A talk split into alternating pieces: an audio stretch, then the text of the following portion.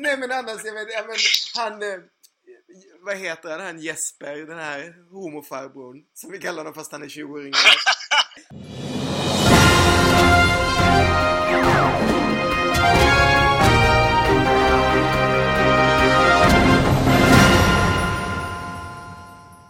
Hej och välkomna till Schlagerprofilernas podcast. Eh, en liten podcast som fortsätter att leta efter sin form och under tiden så får ni höra mig och Ronny babbla på om diverse nöjen. Idag sitter jag i ett ganska iskallt och snöigt Göteborg, men var sitter du Ronny? Jag sitter på ett café nere vid Ground Zero i New York. Så jobbar vi i det här gänget. Jag har precis köpt mig en liten Christmas cupcake och en iskaffe och ska njuta av Kens röst i x antal minuter. Jag har ätit en bit gurka och tittat på Westworld. Gud, våra liv är så olika. Våra alltså. liv är så olika. Men vad har, hänt hemma, vad har hänt hemma i Sverige den här veckan? Jag har typ inte hängt med någonting. Jag följer med så här i i våra diskussioner liksom, Ja. som vi har på nätet. Men jag har inte sett någonting nästan. Vad, vad, vad ska vi börja den här veckan? Ska vi börja med Idol igen kanske? Har du hunnit... Du har inte sett någonting alls eller? Om Idol? Jag har inte sett, jag har faktiskt jag har inte sett någonting. Jag, jag såg vem som åkte ut och jag måste säga att jag drog en stor lättnadens suck. För det, känns, det, det, det kändes bara jätteskönt och jättebra att eh, han åkte. Tycker jag, även om han är duktig. Men eh, Greg är ju en körsångare tycker jag, mer än en artist. Eller vad? Ja, men jag, berätta jag, jag är helt med, jag kan berätta så här. Jag, jag såg ju det då i eh, fredags. Och det roligaste var att när jag satt och såg på programmet och så var ju inte du här eh, online så jag kunde chitchatta med dig utan jag chitchattade lite med våra gemensamma vänner. Eh, och då var det en av dem som sa rakt ut bara så här. Varför sitter jag och tittar på det här programmet egentligen? Och det var precis den frågan jag ställde mig också. Jag tyckte så här. Ja men du vet, då gjorde de ju oldies och det var, det var ju ingen fantasi alls utan du vet, man kan liksom räkna med det var, det var liksom September med Earth, Wind and Fire, din absoluta favoritlåt.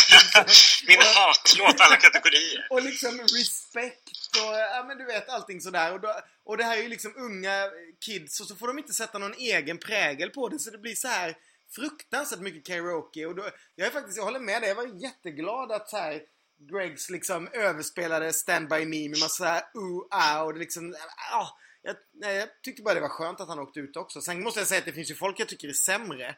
Men alltså, Ja, absolut. Hela det där programmet. Och det det roliga var också att jag fick lite bilden, du vet, för att Rebecca var ju så bra förra veckan och, och kändes lite som att vi kanske redan har en klar vinnare här. Då var det precis som att de, de hela tiden så här, de gav henne Knock on Wood, den här gamla slitna discogrejen liksom. Och hon fick prata redan innan hon sjöng om hur missnöjd hon var med låten. Och sen gjorde hon låten och det var väl liksom, okej stackarn, hon struttade runt där och försökte göra den omöjliga liksom låten som faktiskt väl är lite sexig i original men hon fick något sådär, du vet, hemskt storbandsbeat till det liksom. Så, det var, ja, så blev hon jättesågad av juryn. Och sen fick de liksom henne att se ut som att hon hängde löst då för de slä, ja du vet, de tog iväg henne mot slutet där, du vet när de står sen mot slutet och så. Ja, okej. Ja, och då var det lite som att, ja men ja, nu ska man liksom tro att nej men hon är inte alls så säker och nu hänger hon ut. Och så istället så fick liksom Liam så här eh, When a man loves a woman som han sjöng skiten ur och liksom Han blev ja men du vet, han var allas favorit när folk röstade i Aftonbladet och sådär. Så det kändes som att för att göra det här lite mer spännande igen så var de tvungna att sänka henne och höja honom för det är de två artisterna de har liksom. Och så på kuppen så åkte, men jag tror inte de liksom hade räknat med att Greg skulle åka ut. Men, men det känns lite, nu känns det bara mer och mer som att det är så här. Vem som helst kan åka ut tills de två blir kvar mot slutet. Och sen är tydligen varför Charlie alltid är så här tre hos, hos folket, det fattar jag inte överhuvudtaget. Jag ser ingenting i honom mer än att han är Nannes son liksom. Jag vet inte riktigt varför. och det är inte så illa det är inte. Jag gillar det. Nej men annars, jag vet, ja, men han... Vad heter han, han Jesper, den här homofarbrorn. Som vi kallar honom fast han är 20 år yngre. Det var så fruktansvärt mycket färger över liksom när han gjorde September. Man bara kände att han skulle stå på liksom någon sån här kryssning. Ja, nej usch. Ja, nej, men, ja, ja. Jag var ändå rätt så här pepp i fredags och hade varit lite på Ikea och öppnat, ett, öppnat glöggen efteråt och sådär och satt och var lite pepp och så bara Nej, vilket, vilket sömnigt program Idol är liksom. Det, Ken, Kens, Kens sätt att få en peppig fredag, Ikea och lite glögg. Gud vad tragiskt det lät. Få sitta där och såga liksom. De och sen bara, ja nej. Nej, det var nog inte riktigt. Nej, men ah, ja, Liam och Rebecca är fortfarande bra liksom. Och de är vidare. Den stora snackisen var ju annars att Tove Lo var där och hade på sig typ ett par trosor bara. Alltså istället, ja, som, ja men det var väl liksom lite Beyoncé-klädd liksom. Det, och då satte liksom det äldre gardet av Sverige i, i halsen och att hon, att hon vågade liksom stå där och vara så naken och man bara, men gud liksom. Det är så pseudodisk alltså. Vart är vi någonstans liksom? Är det, 20, är det 2016 eller vad? Det är ju jättemärkligt att folk åker bli upprörda för såna här grejer. Och det är ju scenkläder, herregud. Vi har sett mycket värre saker. Ja, men jag vet. Och det är så här så man bara... Och liksom också just att Tove Lo är verkligen inte så här någon som känns som någon, du vet, någon har satt på henne något, alltså det är verkligen en brud som man märker så här, hon har nog bestämt allting som hon gör. Det är ganska tydligt att hon är den typen av artist liksom. Man bara, who cares då liksom? Hon är ju vuxen, what, what the ja. Man bara, som om inte liksom barn har sett en kvinna i trosor innan heller. Ah, nej, vad hemskt. Nej, men precis. Men apropå det så måste jag flika in en grej som jag, som jag trillade över på nätet häromdagen. Det var att vår, vår finska vän Krista hade uppträtt på finsk MTV, på någon finsk MTV-fest. Då sjöng sin nya låt och hon hade liksom bara en, en, en tröja på sig och typ en baddräkt eller någonting över och stod och slängde med håret. Så hon har liksom gått från liksom en så här härlig Linda Bengtzing-kopia till någon så här sexkitten, vilket jag tycker var jättehärligt. Hon, det, var, det måste ni kolla in. Jag tyckte låten var sådär, men det var jättekul att se henne verkligen som artist på ett annat sätt. Liksom. Och det där vill jag se i Mello. Sexkitten Krista, det vill man ju ja, se. Hur? Gud, henne Hon är, är en, liksom en uppdaterad om natten. eller hur? Gud, sätt igång Gesson. Sätt dig ner och skriv låten nu. Ja, oh, gud. Och, ja, ska vi, nej, vi tar det sen. Vi, vi går igenom lite tv-program först. Ja men det var väl Idol, jag vet inte vad jag ska säga mer om det. Jag, jag tycker också, det var skönt att han, att han rök, för de behöver inte oroa sig för det. Nu blir det ju någon av de två som vinner, typ.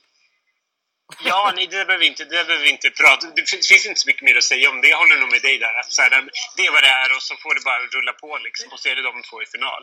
Men jag vill gärna höra om eh, Så mycket bättre. Ja, Så mycket bättre. Det var ju ett ganska udda program eftersom det var Fredde Wadling-programmet. Eh, och jag, jag skrev, på ett sätt tycker jag det blir rätt kul. Alltså inte att någon har dött, det tycker jag inte är kul. Men det är rätt skönt när det är en artist som jag inte har hört så mycket av. Jag är inte så där nere liksom i, i Göteborgs punk och så, även om killen är liksom ett helgon här tydligen. Men, men eh, jag, jag har inte lyssnat jättemycket på Wadling heller. Och då blir det lite intressantare för då har man liksom inget förhållande till låtarna utan då kan man lyssna på dem sådär. Plus att programmet blir ganska intressant för man kan man får reda på massa nytt om någon. Sen blev det ju väldigt märkligt när någon var död för det blir väldigt mycket så här det var ju ett fint program men det blir ju någonting helt annat. Det blir ju väldigt mycket så här respekt och väldigt mycket hyllning och inte så mycket liksom kanske ifrågasättande liksom som det kanske hade blivit annars. Och det var ju, han hade ju rätt så här tunga grejer. Att han liksom, han, han var, hade alltid tydligen jättekomplex för att han, för att han, för sitt utseende och han hade väldigt dåligt med kompisar. Han, han pratade inte på sju år för att han var mobbad i skolan och så här. Det, det är saker som man kanske hade velat personen skulle berätta och inte någon annan. För det blir väldigt så här tycka synd om ännu mer. Det är inte nog att han är död, han pratade inte på sju år också. Usch, det lät Men, en, ja. egenskap, en egenskap som jag ibland kan önska att du kunde lägga till under Melodifestivalen. det, är bara, det, är, det är troligare att jag dör under Melodifestivalen än att jag håller tyst. Nej men, eh, så, så det tyckte jag var, sen så skulle jag nog, sen, sen blev det liksom inga hits skulle jag säga. Jag tyckte att det var en ganska jämn smet. Ingenting var riktigt dåligt men för mig var det ingenting som jag gick igång på jättemycket heller. En kul grej var att Tommy Nilsson hade gjort en låt som han hade så här, tillägnat sin eh, dotter, hans äldsta dotter som han inte har så bra kontakt med och då tog han in Little Jinder som liksom duettpartner. Så hon var liksom med i två låtar för hans, hans låt var en duett och det har man ju inte sett innan. Som blev ganska bra. Det tror jag var den som gick bäst också sen så här på iTunes eh, när man kollade på söndagen. Så var det Tommys låt liksom. Ja. Så det var, det var ett ganska kul så här grepp att man vågade, att man gick lite utanför de här vanliga ramarna mot vad det liksom brukar vara så. Sen tror jag inte att liksom någon av låtarna blev en, en alltså, jättestor hit liksom. Utan de flesta gjorde väl det man misstänker. Jag tycker fortfarande att det här är Magnus Carlssons andra låt. Den, den falska Magnus Carlsson. Och jag tycker fortfarande att det är lite så här ljumt det han gör. Och Danny gör ju fortfarande sina låtar på svenska och han är ännu inte, tycker jag, trumfat den här danska höjningen från första veckan. Liksom. Även om hans låt tyckte jag också var ganska okej. Okay. Sådär. Så att det är de... Man, man, man börjar, de börjar hitta liksom sina fack, men jag tror inte att någon av dem hade liksom sin största hit från programmet här även om Tommy liksom fick en halv halvhit eller vad man ska säga med det. Liksom. Men det var, det var ett trivsamt program men just låtmässigt så gav det inte mig jättemycket. Men det var ett intressant program just för att man fick veta något om någon man kanske inte vet så mycket om. Jag måste bara säga apropå det. Jag har inte, jag har inte sett det för jag har verkligen haft fullt upp. Jag, var, jag är i New York nu men jag har varit i Nashville tidigare i fem dagar på en resa som med ett späckat program så jag inte hunnit göra någonting. Men en av dagarna så åkte vi på en utflykt. Och då, det var jättekul. Då var det tjejen som var amerikanska som körde och sen var det en schweizare och en irländare i bilen. Och vi turades om att spela musik på temat country så att jag har spelat väldigt mycket så Dixie Chicks och sånt som jag liksom har koll på, Rose Garden och sånt medan de spelar lite så här avarter och så, lite udda saker. Men då passade jag på att spela eh, Gills Open Your Heart bara för att höra vad de tyckte liksom. Och så berättade jag historien om hur jag vann den där resan till Nashville med Jill Johnson för jättelänge sedan som aldrig blev av. Vilket var jättekul. Men de gillade låten jättemycket och de tyckte framförallt om hennes röst vilket var jättekul. Och en schweizare kände till och med till Jill Johnson. Alla var så country lite hade countrykoll liksom. Men det var jättekul att höra. Gud vad roligt. Det lät lite som upptacken till skämt. Det var jag, en australiensare och en amerikan. Ja. In på en bar. det, var, det, var, det var en gång en schweizare, en amerikan och en irländare och ett, ett Timotej-fan. Timotej-fan. Istället för Bellman.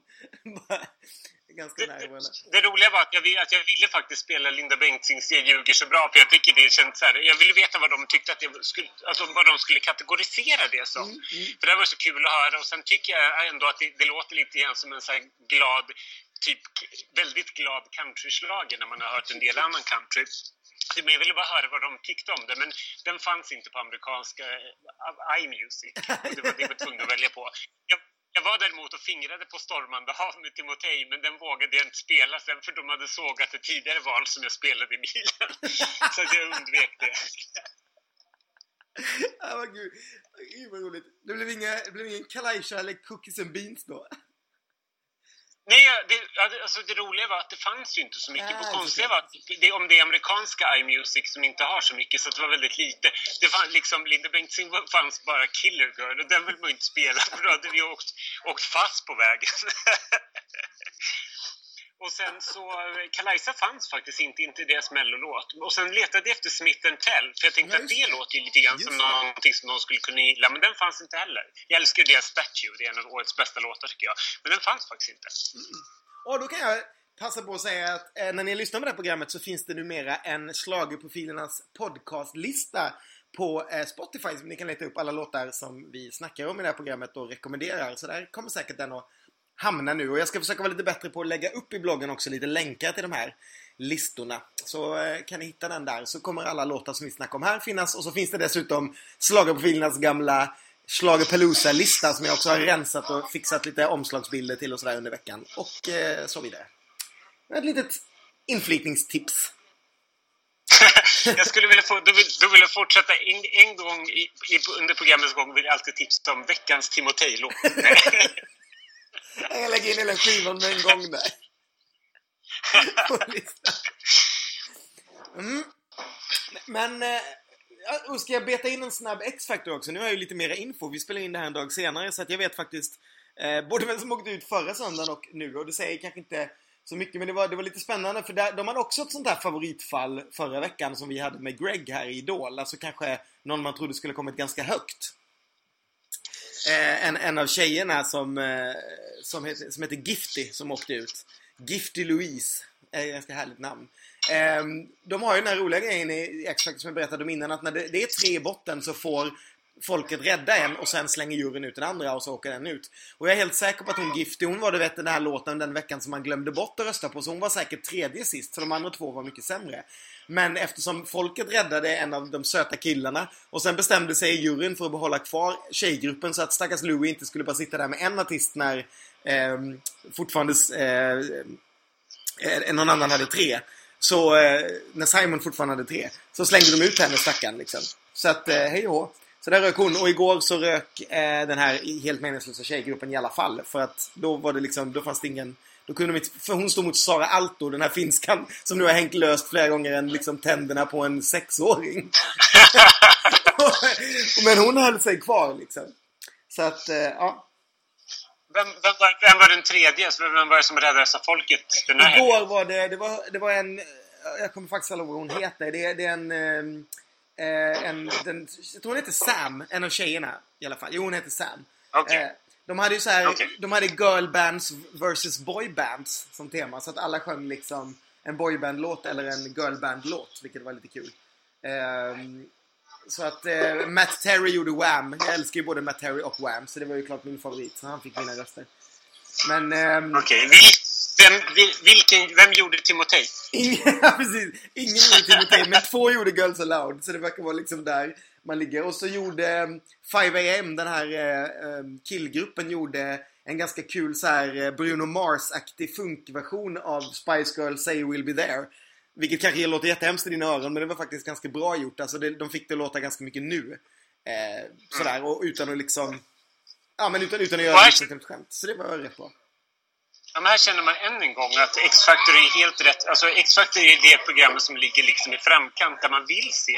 Ja, Man vill ju inte höra samma tråkiga versioner som Idol gör hela tiden. Utan man vill ju verkligen att de gör om låtarna. Det är det som gör att, att låtarna kan bli hits. Det är så otroligt tråkigt att bara höra covers. Liksom. Precis så är det och det var det jag tänkte också när jag såg för att egentligen Visst de är lite bättre också i, i X-Factor men det får man ju ta för det är ett större land Men det är ju just formen och programmet som gör det bättre att man liksom att de gör om låtarna till sina, som hon Emily som gjorde en jättebra Creep förra veckan och nu gjorde hon ungefär exakt samma sak med You Don't Know You're Beautiful Alltså gjort om den till liksom en ballad och skalat av den och sådär då Och det kan man liksom säkert bli lite trött på efter ett tag men det är ju det de gör, att de gör de gör Emily-låtar då av varje låt till henne liksom. Och sen gör de liksom Sara Alto-låtar till henne. Eh, och så vidare. Liksom. Och det är det som är det roliga, att man vill se hur de gör.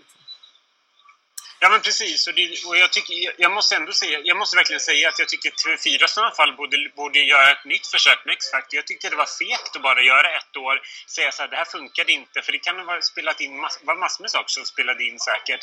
Att det kanske inte var helt rätt mentorer eller liksom Ja. någonting, men jag tycker att lägg ner Idol och satsa på X-Factor en säsong till. Ja men det tycker jag var jättetydligt att man, för det var väl något rykte om att de var tvungna att göra X-Factor för att behålla formatet. Så de pausade ju då ett år när de egentligen ville kört på med, med baggarna för sen bara körde de igång igen likadant i två år till. Så det var ju väldigt tydligt att de Mm. egentligen bara ville göra det där ett år och sen liksom Ja, de gav det verkligen inte någon chans liksom. Det är ju två olika produktionsbolag också vad jag förstått. Det är inte samma som gör Idol som gör X-Factor och sådär. Eh, så det var, ja, nej men jag håller med dig. Så X-Factor tycker jag fortfarande, det, är- det är ett sånt där program som man liksom, nej men det engagerar när man tittar på och man kan sitta och vad har de på sig och vad gör de? Och du vet, det är lite mello över det hela. Mello som liksom är likadant, att de, Mm. nummer och hela kittet liksom. Och då har vi en ganska snygg övergång till mello. Har du hunnit säga det eller? Är det, Tobbe har äntligen gjort sitt jobb. Han har namedroppat lite, lite folk idag. Ja, men jag, såg, jag såg listan på, på namn. Det, det var ju som det var lite diskussioner bland våra kompisar att det är ingenting som man kanske trillar av stolen för. Liksom. Och, då, jag, då börjar jag undra, så här, är, är de åren lite grann förbi? Att, liksom, har vi betat av på något sätt alla, alla de namnen som vill vara med och de som kanske ses som stora namn nu är egentligen inte så intressanta att, att hänga på. Vi kommer ju liksom aldrig få se de här äh, jättestora namnen och sen så är det liksom, det är lite idoler, det är lite ex-deltagare som har varit med förut, har framgång i Mello liksom. Eller ser du? Ja men så, jag tror absolut att det är så. Alltså, speciellt efter förra året också för då fanns det fortfarande något så här.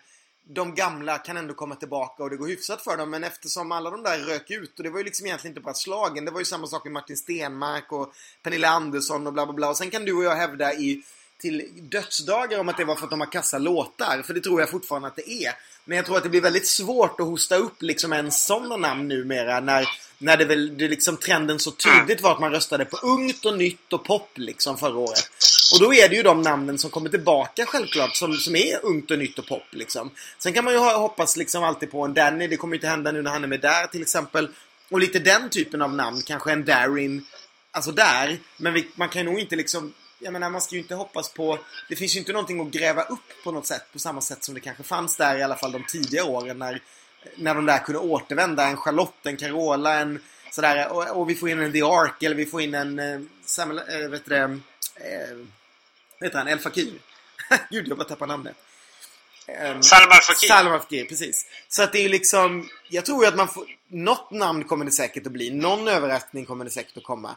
Men alltså de namnen som, som hittills Tobbe avslöjat känns ju verkligen som... eh, Ja men vad ska man säga? Det är liksom, det är, det är ju verkligen en upprepning av förra årets namn, typ plus lite värre. Så här, två artister från Idol 2008 liksom. Vad, vad fick, när blev det en trend liksom? Och jag tycker, jag tycker att det är orättvist. Jag, jag tror att jag, jag har hört och förstått att Alice Svensson har försökt i många år och nu får hon kanske äntligen chansen att vara med. Det, vore, det tycker jag absolut är helt rätt. Då räcker det med henne. Behöver inte Robin igen då kan jag tycka kanske. Och jag vet inte om jag, behöver, om jag behöver liksom både Victoria och Boris och Ace och Robin. Och Lisa Ajax. Det är väldigt mycket från förra året måste Ja, det, blir väldigt, Eller det, blir, ja. det blir väldigt märkligt med liksom hela finalstartfältet som ska ställa upp igen. De, de enda som inte är med är väl Samir och Viktor liksom. Ja, men och precis Frans. Ett, ettan och sisten. Sen all, allt däremellan får vara med liksom. Ja, jag visste, väntar bara på att Paneto ska avslöjas nu liksom. Men jag, om, jag, om jag bara ska titta på den här listan som jag har framför mig här så skulle jag vilja säga att så här. Okej, The Foo, som vi glömde förra gången när vi pratade och bara kom ihåg Lisa Ajax och Elisa, vilket jag tycker säger rätt mycket om dig och mig. The Men- Foo! Foo! Men liksom just, just The Foo och Victoria skulle jag, och Mariette tycker jag är namn som jag känner så här. Ja men de vill jag veta vad de gör. Jag tycker att Mariette liksom, hon har bara varit med en gång. Eh, och, och hon ska absolut komma tillbaka. Hon känner jag att hon kan ha lite så här Loreen-vibb liksom. Jag gillar Mariette jättemycket och Victoria var ju verkligen så här. Henne känner man ju också så här. Man vill, man vill ju att man känner någonstans i magen att med en, med en, de skulle kunna överträffa sina andra låtar och bli riktigt bra liksom. Jag, det känner man De inte riktigt de så kan vinna båda två. De är, bra, de är bra artister att skicka också tror jag. Så det där tycker jag håller jag helt med dig om. Och för att vara lite så här elak, man tror ju inte att Robin kommer att upprepa det där. Nu vet jag inte alltså, var jag får den magkänslan ifrån, men jag, jag, får, jag känner inte riktigt det liksom. Att det kommer, att, att det kommer bli så. Ace, jag gillar ju Ace också jättemycket, men det känns ju också sådär lite för tidigt att komma tillbaka igen. Då känns det som att, ja det var nära förra gången, nu, nu kör vi. Alltså hennes comeback var ju i år liksom. Så att, ja. ja. Sen, tycker, sen ska man liksom inte hålla på och älta den här listan, herregud. Eh, det, har, det har vi gjort så många gånger innan och haft, man måste ju höra låtarna, punkt. Så är det ju. Det kan ju förändra allt liksom. En hur trött artist som helst kan vara den vi håller på sen mot slutet för att personen har verkligen fått rätt låt liksom. Absolut. Så, ähm, ja, men, men just nu ser vi inte listan liksom Just nu är det liksom 13 namn på Tobbes lista att räkna upp här och det är inte, det, man kanske inte skriker sig hes över de namnen liksom. Men vi jag kan ju hoppas på de andra och sen så vet man ju faktiskt inte heller om de stämmer. Det vet man ju inte förrän eh, eh om några veckor. Nej, jag vet. Det, förra året så vill jag minnas att det viskades och skrevs om Pidde Pannkaka väldigt mycket på, på massor olika håll. Och han dök ju aldrig upp. Han tycker det- jag har is i magen. Och, Det, till, till Tobbes försvar var det Expressen. jag vill inte hänga ut vår kompisar. Men jag för mig att Tobbe hade några namn där i början som man fick pudla på också. Så att det, det kan väl vara så att några i början kanske inte eh, stämmer och sådär. Men många av dem är ju säkert, det, han har ju oftast väldigt rätt. Eller de på Aftonbladet brukar ha väldigt rätt. Så att, jag måste ändå säga att när jag tittar på listan så tycker jag att det är lite märkligt för väldigt många av artisterna ver- verkar komma från samma skivbolag tycker jag. Eh, vilket jag tycker är jättemärkligt. så det borde vara väldigt lätt att pricka ut vem som, vem som golar i det, i, i, i, det här sammanhanget. det är ju faktiskt sant, det är jätteroligt. Men så kan det inte vara. Alltså har ett skivbolag fått med så många artister? Det, brukar, det är väldigt ovanligt tycker jag. Det måste vara ett, det Ja, måste det- vara ett jättekanonår liksom. Om de, alltså... Ja, men, och jag är helt med på ditt spår där. Att, att vi kan ju liksom inte ha alla artister sen, sen finalen förra året. Så det, alltså, någonting måste ju gå och någonting måste, kan ju inte stämma där. Det kan ju inte vara så. Det, det känns inte som att varken en jury eller Christer skulle så här, ta med hela förra årets final.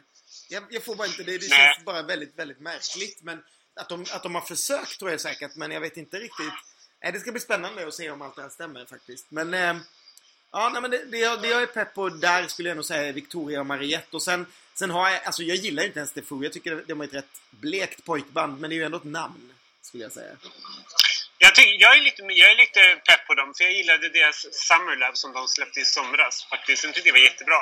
Så jag har ändå lite så här förhoppningar. Och det känns kul att de är lite äldre nu. Liksom. När det pratades om dem förut var de väl typ 15-16 och såg ut som barn. Ja. Det tycker jag är lite läskigt. Jag tycker inte om barnartister. Det var lite roligt idag för att jag och en annan kompis pratade och han sa så här. Hur gamla är de? För de går på efterfesten och så slår vi upp det. De är ju 20 nu, en, en av dem. så det är ju verkligen inga barn som du säger. Det är ju liksom, de har blivit ganska gamla. Ja. Gamla. Mm. Ken jublade, jublade inombords och vet att han kommer köpa öl till minst tre av dem. De blev för övrigt årets svenska artist igår på European Music Awards, kan jag berätta. Aha. Ja, så att det, det, det är väl alltid något. Det vore väl liksom en liten fjäder i hatten för, eh, för Mello att få med dem såklart. Sen så är de ju inte kanske Sara Larsson direkt, men... Vad, kan inte du berätta lite mer? Du, alltså det här, nu, nu har vi ju gått igenom allt det här. Nu måste du ju berätta om den här countrygalan som du sa förra veckan du skulle vara med på. Den har ju vi läst, alltså, hallå, Beyoncé. Ja, jag vet. Alltså, det, var, det var jättekul och det var stort. Jag var, jag var som sagt i Nashville på en pressresa eh, och jag ska skriva om det i QX för liksom, ur resesynpunkt. Men en av den första punkten på första kvällen eh, var att vi fick gå på Country Music Awards eh, som firade 50 år. Så det var jättestort och det var liksom alla stora eh, artister, countryartister var där. Så det var jättekul att se dem och höra dem. Men, men grejen var att det, och det var en jättestor arena mitt i Nashville, vilket var jättehäftigt. Och att befinna sig i samma arena som alla de här personerna. Men grejen var att vi satt så långt bak, väldigt långt bak upp på en läktare. Och under artistuppträdandena så var det inga, så, så visades det inte på skärmarna. Utan det som visades på skärmarna som var ganska långt bort, det var liksom presentationerna eh, av, när de berättade vilka som har vunnit priser och så.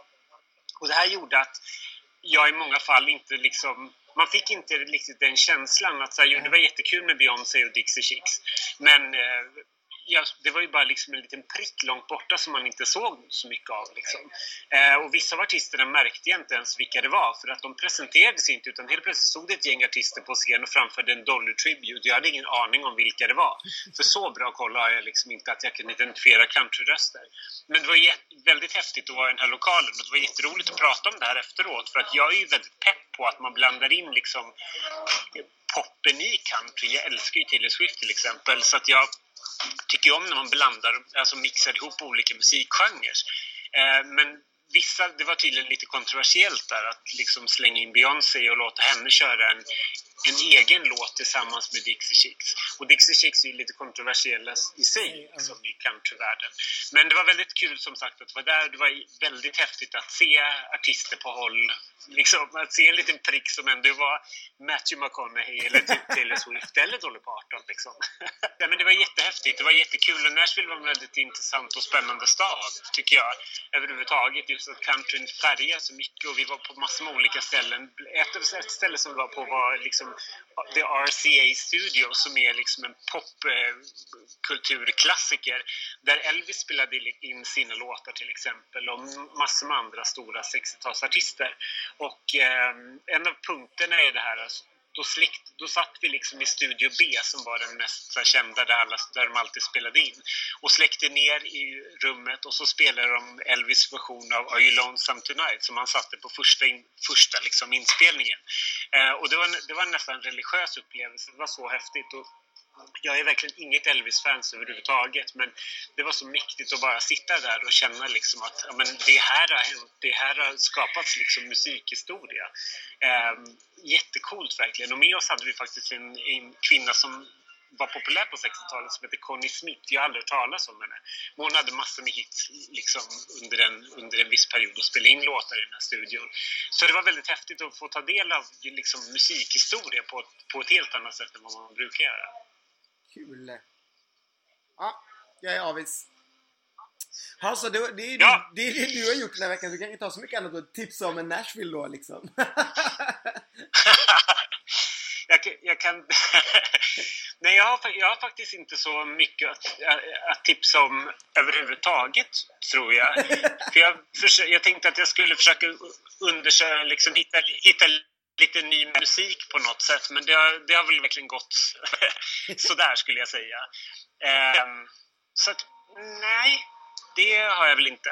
Nej, men, då, Men du får gärna tipsa. Jag kan få tipsa om någonting. Jag skulle vilja dela ut fyra starka schlagerprofiler till världens dyraste tv-serie som heter The Crown som hade premiär på Netflix nu i helgen. Jag är helt fast i den alltså.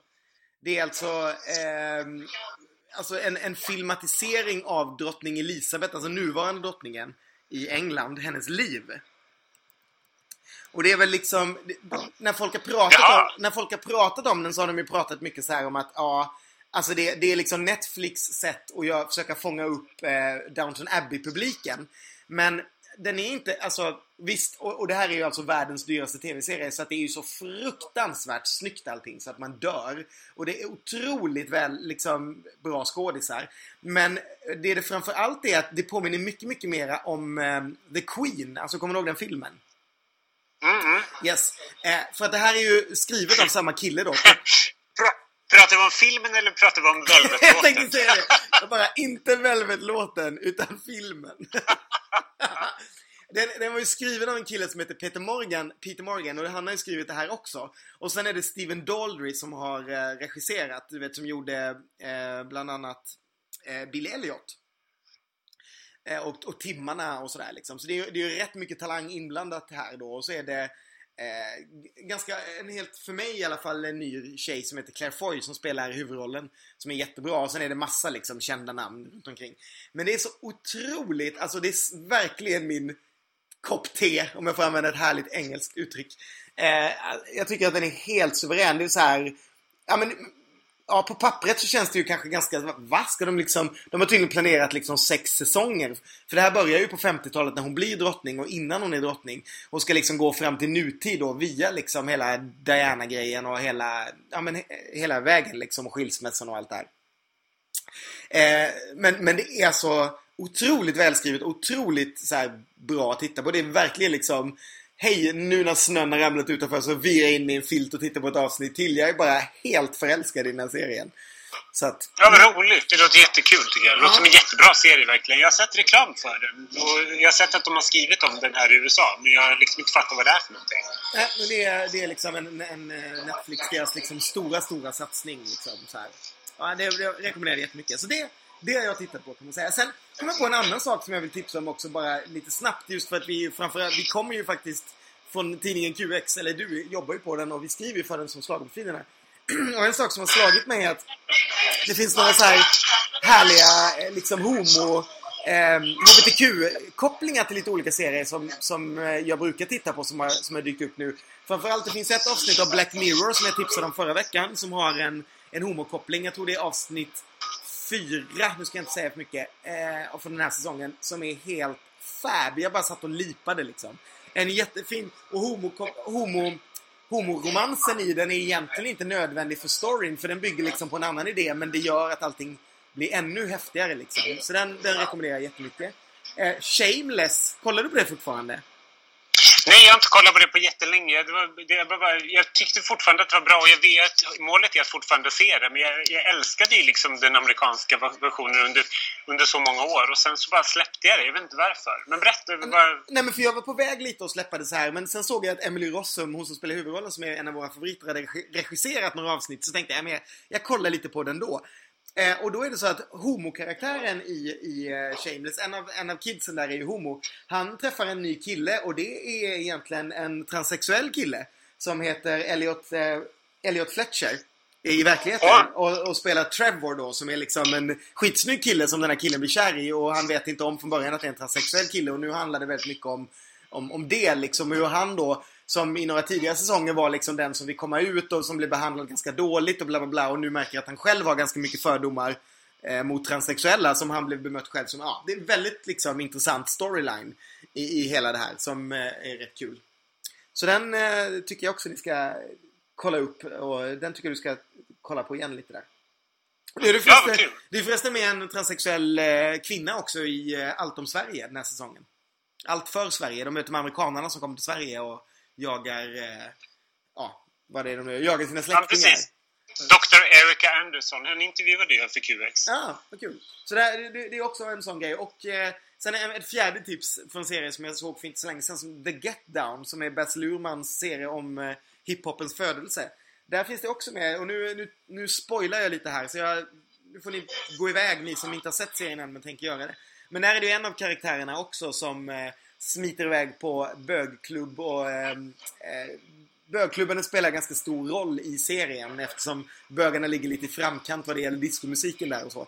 Och där under en scen det så eh, blir det en, en, en liten puss, vilket är mer än vad den här eh, karaktären, eh, skådisens pappa vågade göra när han spelade bög för länge sedan. Men han har en ganska känd pappa den här skådisen. Jag vill inte spoila för mycket men nu har jag nog gjort det ändå. Okej, okay, det är Jaden Smith. What the fuck?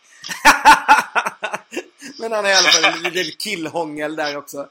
Så att det, jag bara, jag bara tänkte på den dagen att många av de serierna jag sett så dyker det upp liksom som en så naturlig del i storyn utan att vara liksom någon sorts huvudlinje om du fattar vad jag menar. Så bara är det Mm. där, vilket jag tycker var kul. Så det var en liten spaning där. Så då tipsar jag om alla de eh, serierna. Om man är intresserad. Ha. Kul! Men du, du, gav, du gav ju mig en uppgift den här veckan att, eh, att Ja. skramla ihop en sak. Vad, eh, Ja, jag vad var det för jag någonting? tänkte vi skulle komma in på den. Vi började ju prata i första avsnittet om eh, om vi skulle sätta ihop ett Så Mycket Bättre. Vad, hur skulle det se ut? Så då tänkte jag att du skulle få sätta ihop ditt Så Mycket Bättre. Okej. Mm. Det, det gör jag så gärna. Ska jag bränna av alla mina sju namn på en gång? Ja, kan, ja men gör det. Ska du, jag har också gjort nämligen. Men, men börja du så kan vi, eh, kan jag ta sen hur jag tänkte när jag tog mina så kan du ta lite hur du tänkte. Om du bara satte från hjärtat eller om du tänkte på något annat sätt när du tog dina. Ja, men absolut. Jag, jag tänkte så här. Jag tänkte, jag tänkte stora namn som jag, som jag vill se och som är troliga. Jag tänkte sådana namn som jag absolut vill se. Och sen så tänkte jag vara lite revolutionär och och hitta med näven för jag tycker att Så mycket bättre var så fruktansvärt dåliga på att det ska vara jämnt mellan tjejer och killar. Ja. Under alla år så är det alltid en över, överton på killsidan vilket jag tycker är obegripligt. Så nu får de bita i det sura äpplet i min uppställning och faktiskt bara ha två killar med och fem eller hela sex tjejer. Oj, härligt. Mm. Mm. Kör på. Here we go! Mitt, mitt, mitt första namn är, är så gjutet så att det finns inte. Jag är inte jättenyfiken på personen i fråga för jag kan ganska mycket om honom. Men jag tycker det är gjutet att han är med med tanke på de låtar han har skrivit och det är Per Gessle. Mm. Eh, Jag tycker att han känns så här, jag, först, Han måste ju vara med. Jag, det kan ju inte liksom han kan inte säga nej till det här tycker jag. Han måste vara med. Eh, och det finns ju hur mycket Roxette och Gyllene Tid-låtar som helst. Så det här vill man ju bara hö- se. Och då kommer jag vidare till en artist som jag personligen verkligen tycker så mycket om. Jag älskar hennes röst. Och jag tycker att det är alldeles för lite slager även om jag inte tycker att hon kanske ska göra slager i programmet. Och det är Jessica Andersson. Mm. Jag tycker att hon är en fantastisk sångerska verkligen. Hon skulle göra så bra versioner av varenda låt tror jag. Även om allting skulle låta som I did it for love eller någonting. Sen, sen tycker jag att det behövs lite nyare tongångar och det här är kanske inte så troligt men jag tycker att Tove Lo ska vara med för jag tycker att hon är en riktig popstjärna liksom. Mm. Jag tycker hon är superskön och verkar bara ha en skön inställning till allt och hon känns, ja, hon känns som en världsstjärna liksom. Hon är ju det typ. Mm. Sen måste vi ha in någonting gammalt och då plockar jag in Siw Malmkvist för jag tycker att hon är fantastisk. Jag älskar ju det kärlek, det gör vi, det gör vi alla. Och hon har en enorm liksom, katalog med låtar som alla kan. Eh, och jag tycker bara att hon, det behövs en liten rivetant i programmet. Eh, sen vill jag plocka upp ett namn som inte har synts så mycket de senaste åren men som jag tycker är fantastisk och hon som inte alls är någon så här Ronny-artist egentligen. Och det är Annika Norlin, säkert, som jag tycker är superbra. Hon tillför också någonting som jag inte tycker att de namn som jag nämnt har. Ja, jättebra. Eh, Sen, är jag inne, sen så går vi vidare till namn nummer sex och det är Måns som Mm. jag tycker absolut ska vara med och nu efter Danny i år som har varit med, eller som har gjort det här ganska bra tycker jag ändå. Även om jag inte tycker att låtarna blivit sådana hits som, som jag hade hoppats på. Så tycker jag att Måns absolut ska tacka ja till att vara med för nu har han ju dessutom lite låtar som folk kan liksom.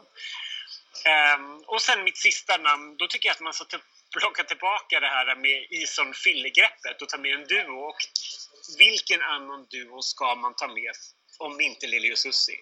Jag älskar de här två. Jag älskar de här två sångerskorna sedan jag var liksom 12. Och jag tycker att de har så många bra låtar och det vore så kul att se vad de skulle göra nu. Jag vill att allting ska låta som som om mamma eller Show Me Heaven. Liksom. Det var ju så här härligt med lite skamlös 80-tals popdisco liksom. Så där är vi min drömuppställning. Jessica Andersson, Per Gessle, Tove Lo, Lili och Susie, Simon Kvist, Annika Norlin och Måns Zelmerlöw. Men gud vilket härligt program. Och det roliga är att du, du har inte tagit någon som jag har tagit. Vilket är ju helt fantastiskt. Det är Ja, jätteroligt. Sen vet jag, jag började med att säga så här. Om jag bara fick välja sju, alltså mina så här, eller så här, största, alltså vi, vi tänker att alla ville vara med i det här programmet. Och så bara hostade jag upp dem och så tog jag bort dem. Och då hade jag Agneta Fältskog, Håkan Hellström, Jocke Berg, Tåström, Robin, Mauro Scocco och Sara Larsson. För jag tänkte så här, det hade varit det största liksom, jag kunde hitta nu. Och så bort med dem liksom. Men det där är ju namn som jag skulle vilja se. Även om inte alla är min musik heller så finns det liksom en... Ja men det skulle bara... Tänk Agneta Fältskog liksom. Fatta vad det skulle finnas att gräva i där. Plus att hon är ju fantastisk om hon kunde komma tillbaka till det liksom. Grejen igen och så vidare. Mm. Nej, men då, så då tog jag nästa och då försökte jag precis som du, jag försökte tänka lite så här som programmet. Och då startade jag med så här, den här, så här trygga, breda artisten med massa hits. Och då hamnade jag på Björn Skifs.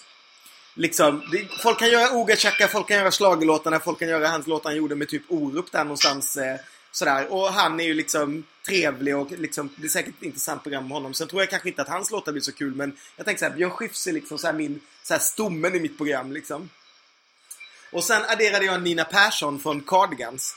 Eh, för jag tänkte att hon kan ge lite cred. Och så finns det lite... Det finns ju också en del att ta av både av hennes solokarriär och eh, massa Cardigans-låtar liksom. Så vill jag också ha en slagetant och jag hade väl också lite tanke på Siv. Jag hade lite tanke på Kikki. men jag ville också ha något klassiskt och då fastnade jag på Ann-Louise Hansson. Eh, för jag tänkte att hon är, hon är ju fortfarande liksom så här lite pigg på att göra musik känns det som. Jag var, jag var lite inne på Siv men hon känns lite trött. Så jag tänkte att Ann-Louise liksom, hon har haft flest hits på Svensktoppen. Det kan säkert bli kul och lite Glenmarks och ha lite stories att berätta. Så eh, Ann-Louise blev liksom mitt eh, så här, eh, slagertantsval. Och då vill jag ha någonting så här superkreddigt också. Och då var jag inne en sväng på Lykke Li, för hon gör lite liksom min typ av så här, elektronisk musik och, och har en del, jag tror att hon kunde göra en del bra grejer. Men sen kom jag till ett namn som mot slutet som jag hamnade på stället. Så jag tog bort Lykke Li och stoppade in något så märkligt som Sofia Jannok. För att jag kände bara, jag var och såg en konsert med henne och jag, du och jag brukar ha rätt roligt åt samer ibland i smyg. Eh, men den här kvinnan fick mig liksom helt att bara förstå deras situation, hade så jävla mycket att berätta och hade en jävla massa bra låtar som jag inte hade hört liksom. Kanske inget jag skulle så här, sätta på hemma i spelaren men hon, hon gör ändå ganska så här, elektronisk musik runt sina jojkar som ibland kommer där också då. Men jag tyckte att det skulle vara ganska intressant att höra liksom den historien och den approachen och framförallt så här Ann-Louise gör en jojk, vem vill inte se det liksom? Mm, mm. Ja, så då var jag inne på, då var det Sofia Jannok. Sen så gjorde jag samma sak som du. Jag vill också ha en duo. Det här är mitt program. Jag får drömma hur mycket jag vill. Då tänker jag ta hit Snook. För då får jag både liksom eh, Adams Ray och Lindros på samma bräde. det här är ju liksom, det här är min, det är väl kanske det minst troliga att det någonsin skulle hända. Men jag kunde inte bestämma mig för vem av dem jag ville ha. Så att jag tog båda. Okej. Ja. Mm. Och sen var det också dags för mitt lilla schlagerkillenamn och då tänkte jag Andreas Lundstedt. För då kunde jag få in både lite Alcazar och hans liksom sologrejer plus att vid något tillfälle när han gör någon, sin cover så kommer liksom Tess och Lina in och är med och gör värsta Alcazar-dängan av det hela liksom. Plus att han har en intressant historia också tror jag att berätta för jag har läst hans bok och sådär. Ehm, så jag, det skulle vara jättekul med Lundstedt. Och sen vill jag ha en sista namn.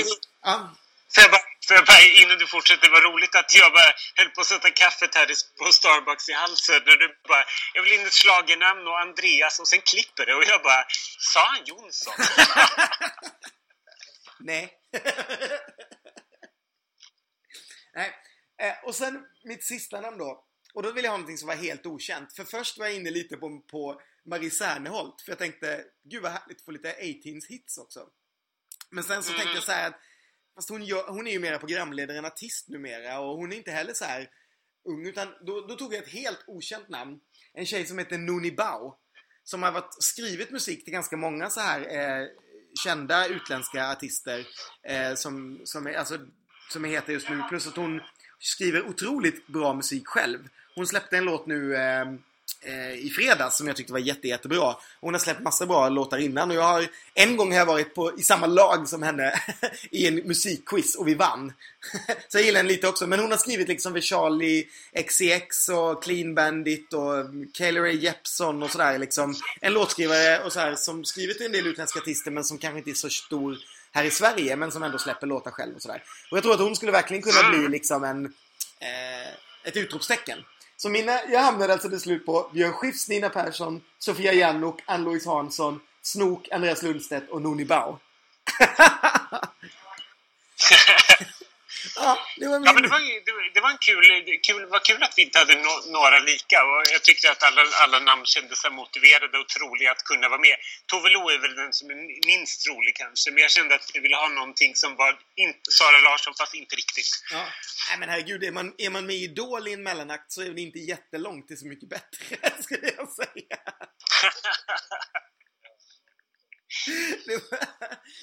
så att, mm, hon tackade ju tydligen nej till att vara med i Eurovision, men en liten paus i Idol i bara trosorna, det verkade bra. Ja, nu ska jag inte vara sån. Eh...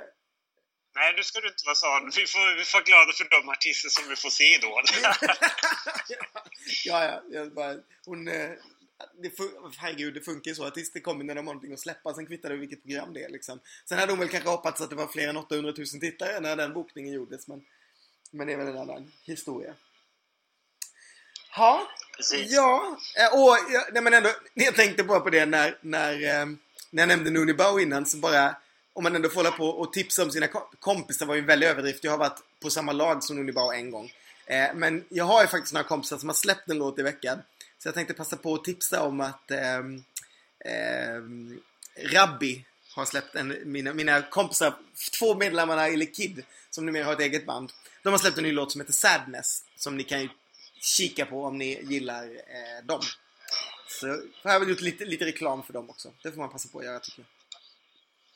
Då vill jag passa på att tipsa om Idol-Rabbi som stor... Den andra Rabbi. Rätt Rabbi. Men en låt som kom, nu när vi ändå pratar musik i veckan, var ju att Kim Cesarion släppte en ny låt som heter Therapy. Och den tyckte jag var jättebra. Eh, han har man inte hört på ett tag och nu har han tydligen låtar med eh, The Family, alltså vår, vårt, vårt lilla slagerkollektiv Som eh, bland annat skrev Hero. Så det tycker man är ju trevligt. Precis, det är jättekul. Är nice. Jag har nästan glömt bort att han fanns. Så det tycker jag var kul. Att han fick komma tillbaka. Och den låten går ju faktiskt ganska bra. Den ligger ganska högt på svenska Spotify. Så det är roligt. Ja, men vad roligt. Men är han ett sånt namn som skulle kunna vara med i Mello, tror du? Jag vet inte. Alltså, nu... Jag har ingen aning. Jag blev ju genast väldigt upphetsad när jag såg att han jobbade med, med The Family. Men det är bara för att jag liksom tror att Melodifestivalen är det enda som finns och så att vissa människor bara skriver dit. så att jag är inte, jag är, inte, jag, jag, jag är liksom snäppet ifrån och tittar på alla låtar som släpps som de är exakt tre minuter långa och funderar på om den har varit inskickad. Jag är snäppet bortom det men, men skriver man med The Family det är klart att jag börjar tänka på att man skulle vilja ha med honom där. Det, så är det ju bara ja. liksom. Jag gillar ju honom jättemycket så det, det hoppas jag verkligen. Det har ju varit ganska tyst sen. Det var ju ganska hypat när han släppte sin första skiva. Sen har det inte hänt så mycket. Ja, precis. Så, nej men jag, fingers crossed säger jag. Då, då, om han är med, då är jag lugn, höll jag på att säga. Det, det skulle vara ett sånt namn som jag skulle tycka var jätteroligt om han var med faktiskt. Det skulle vara jättekul. Okej. Okay. Ja men kul. Det vore jätteroligt, det håller jag med om. Um, ja men det, det, var väl allt vi hade den här veckan. Jag tycker vi hann med ganska mycket faktiskt. Det gjorde vi absolut. Uh, och kul att det blev av att få tag i dig där. Jag tänker du stannar där nu ja, över valet och ser vad som händer om det finns kvar någonting på, på, i övermorgon. Ja, precis. Jag är lite nervös för det här. Alltså, jag jag åkte till New York de extra dagarna just för att vara med, vara med under valet för att jag ville så gärna vara här och bara få en känsla för hur det är. Liksom. Mm. Det är verkligen allting man pratar om i, i, på TV. Så fort var man än går så är liksom TV-apparaterna på och som visar liksom, kommentatorer som kommenterar allting som har hänt och allting som görs. Liksom. Men jag börjar bli lite nervös också för att när man pratar med folk så är det ju verkligen så helt olika, alltså vad folk mm. tror och tycker. Att en del är ju helt uppgivna, en del är så här, nej, hon kommer vinna stort eller äh, men det kan gå hur som helst och man, man har ingen aning. Jag vill bara liksom, jag vill bara att Hillary ska vinna det här äh, så att jag kan gå ut imorgon och bli full och, och härja. och bara dra en lättnadens suck över att världen inte kommer gå under de närmsta åren liksom. Nej, jag är rädd för att det blir kaos vilket som liksom. Han kommer väl inte erkänna om han förlorar och sen ja, och så känner jag bara så här, nu de senaste mätningarna så leder ju trots allt Hillary. Men det var exakt likadant när den där jävla Storbritannien skulle rösta ut sig ur EU. Jag gick och la mig så här, ja, ja, ja, liksom stanna kvar sidan leder och de leder alla liksom undersökningar innan och bla bla bla. Och så vaknar man upp på morgonen och bara What the fuck, vad har ni gjort jävla britter? så jag räknar helt med liksom när jag stiger upp på onsdag morgon att det kommer att stå liksom Donald Trump leder världen liksom. Eller You're fired kommer det bara stå. Pannan Ja, men det, är, och det är bara så otroligt skrämmande hela den här grejen av att, liksom, att de som röstar på Trump är så dåligt insatta. Utan de röstar ju bara på någonting som de har hört någon säga. Liksom. Det är bara att titta på alla de här klippen som finns på Youtube på Trump-anhängare som, som bara liksom inte har någon aning om vad de pratar om. Mm. Jag menar, det krävs ju inte så mycket för att sätta sig in i vad han står för, vad han gör och vad han vill göra om han blir president. Och sen kanske man... Sen, alltså grejen är att jag förstår helt om man, hat, om man tycker illa om Hillary och vad hon står för eller någonting. Men det värsta med allt det där är att det ligger så mycket i att hon är kvinna. Att det, att det är väldigt många som, har, som bara tycker illa om hela grejen. Att, ja, men hon är, att, att det grundar sig i att hon liksom inte är född med snopp. Vilket är helt absurt liksom. Mm. Man kan säga att amerikanerna vet lika lite om Trumps politik som vi vet om böcker. Vad sa du? Ja, ja, verkligen. Det är, bara, det är bara så otroligt liksom, skrämmande. Och jag, menar, om alternativ, och jag tycker bara att det är så sjukt att alternativ... Hur, hur, hur illa, det var det jag skulle komma till. Hur illa man än tycker om henne så är ju alternativet så mycket värre. Ja. Så det är ju liksom för oss som ser det här utifrån så finns det ju ingenting att snacka om. Och Trump-anhängare kan ju, kan ju säga, sällan säga saker emot när man säger någonting, när man påstår någonting. Utan de bara så här förutfattade meningar, men så här är det utan att det grundar sig i någonting. Mm. Vilket är jätteskrämmande att, vi, liksom, att de här människorna får, får rösta och vara med och liksom påverka en demokratisk process. Ja, nej, det... Usch. Nej, usch. Magknip säger jag bara. Ja. Um... Det här var Staffan, Staffan Heimersson från New York. Schlagerprofilernas politiska kommentator Ronny Larsson direkt från Ground Zero. Ja, men verkligen. Nej, men jag ska, jag ska ta och packa mig härifrån och äta upp min Festive Cupcake som jag köpte som var ganska som faktiskt var ganska torr och försöka gå och njuta lite av solen här i New York. Och så får, får du återgå till ditt mörka vintriga Sverige. Ja, gud, jag ska, jag ska rulla in mig i två duntäcken och försöka sova. så jag kan gå, gå upp och morgonpromenera i dubbla vantar imorgon eller något. Usch, i snön. Ja, så är det med det. Men eh, ja, vad, det var väl det för den här veckan. Eh, vi återkommer nästa vecka, eh, eller hur? Det, det gör vi absolut och då är jag hemma i Sverige och sitter och huttrar tillsammans med dig. det är bra. Vi säger så, puss och kram! Puss och kram, hejdå! hejdå.